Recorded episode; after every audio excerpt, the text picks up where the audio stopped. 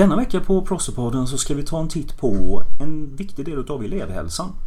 Och för det så har vi allas vår kurator här. Välkommen Michelle! Hallå, hej! Hej! Kul att vara här. Kul att ha dig här. Eh, bäst vi kan eh, reda ut en sak här från början. Så här, hur uttalar man ditt efternamn? Duvila. Dövingen. Ja, det var inte så lätt va? Nej. Beror på ifall man har haft franska med Maurice eller inte. Ja. Eh, kan vi ta lite kort om dig här innan vi vet du, går vidare in i hur elevhälsan kanske funkar. Vem är du?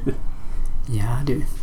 Uh, Michel, kurator på skolan sedan tre år tillbaka. Mm. Har under, nu är det snart 25 år, alltid jobbat med barn och ungdomar. Inom BUP och BRIS har jag varit där länge, Barnens rätt i samhället. Um, bryter lite, kommer från Schweiz, från den franska delen i Schweiz. Har varit nu här i Sverige snart 30 år, så det är Mm. ett tag sedan. Tiden går fort. Det är fort. Mm. Och kan jag bara säga vad vi alla andra som jobbar med det här känner att det är, det är den absolut charmigaste brytningen vi har på skolan. Vad gör då en kurator? För det är ju det, som du jobbar med här och du är på andra skolor också va? Ja, jag är också i, på, på Civitas i Helsingborg. Ja just. Mm. Mm. Som kurator ingår jag i elevhälsan som är en samling av olika människor med olika kompetenser. Vi har Maria som är skolsköterska, vi har Sissi som är specialpedagog, vi har en skolläkare, en skolpsykolog och vi har vår skolledning naturligtvis med i elevhälsan. Och, och det är som sagt ett samarbete med olika kompetens, både medicinsk, psykologisk, psykologisk, uh, eh, psykosocial och specialpedagogisk. Uh, eh, och vad gör vi? Vi, gör, vi är till för, för, um, mm, för att stödja eleverna så att de ska kunna nå utbildningsmål. Genom att ja, en specialpedagog erbjuder stöd för, med skolarbetet och vad gör skolkurator? Jag erbjuder stöd för att man ska kunna må bra.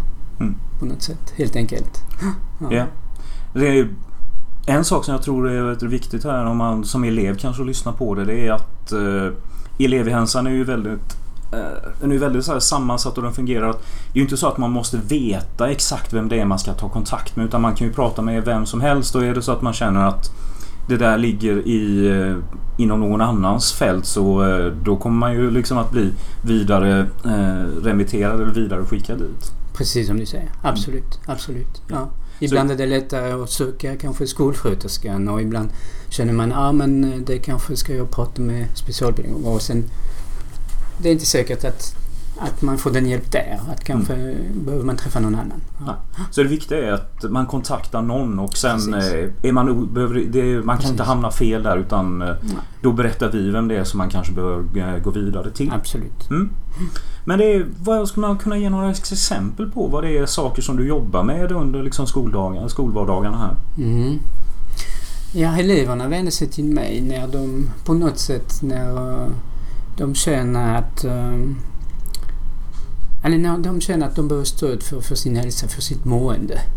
Och, och, det kan vara, vad är det som är viktigt i, i, i elevernas liv just nu? Det, det är naturligtvis skolan. Hur gör man det här? Och det kanske handlar om, om trivsel i klassen eller om, om det som händer i, på skolan. Men det, det, det som är också viktigt är naturligtvis vänner och, och relationer. Och det kan vara så att man har tankar kring sina relationer eller kring en flickvän, en pojkvän och, och, och att man behöver fundera kring det. Uh, naturligtvis kan det vara saker som handlar om familjen. Det händer saker i familjen som gör att, att jag behöver prata kring det. Men många hör av sig med, med på något sätt funderingar kring sig själva. Ja, det kan vara både existentiella problem eller existentiella funderingar, det behöver inte vara problem. Um, typ att, ja, vem är jag? Vad, vad är meningen med livet? Och funderingar som, som vi alla har.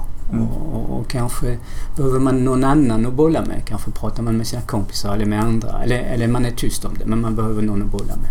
Så det kan vara faktiskt väldigt, väldigt olika saker. Och det kan, ibland kopplar man till problem, men det behöver inte vara problem. Det behöver att man bara behöver någon att prata med. Mm.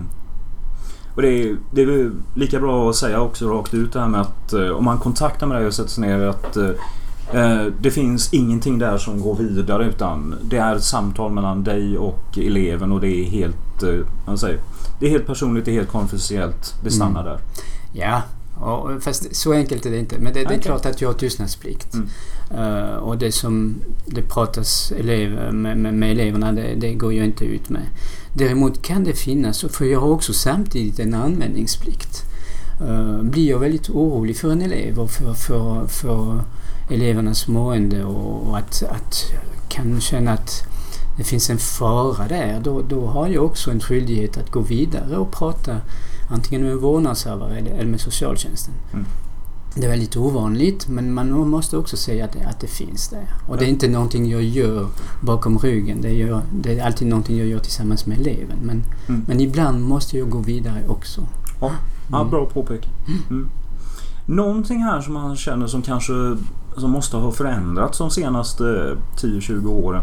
Det är ju det digitala livet. Med alla Mm. ungdomar med allt ifrån eh, den liksom här personligheten man har på nätet kanske jämfört med den personligheten man har utöver och den här ständiga uppkopplingen.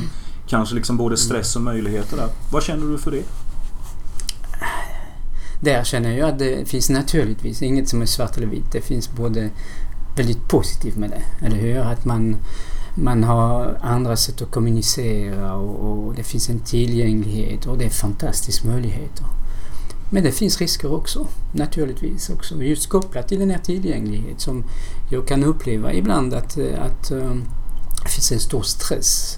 Att, eh, att alltid vara tillgänglig eller att, att eh, att behöva... Men, men nu har man möjlighet att jämföra sig med hela världen genom det. Och, och det, kan, det kan leda till massor med olika tankar. Mm. Mm.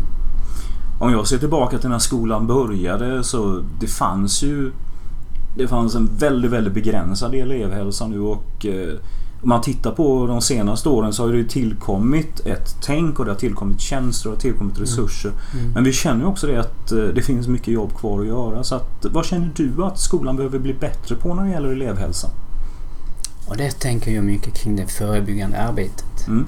Att jobba hälsofrämjande. Att, att, att få möjlighet till att träffa klasser och ha stunder kring reflek- med reflektion och eh, skapa relation så att det blir på något sätt att, att gå till kurator en naturlig del av, av skolan. Att, att det blir inte så konstigt att jag ska prata med kuratorn. Mm. Det är en del att göra också.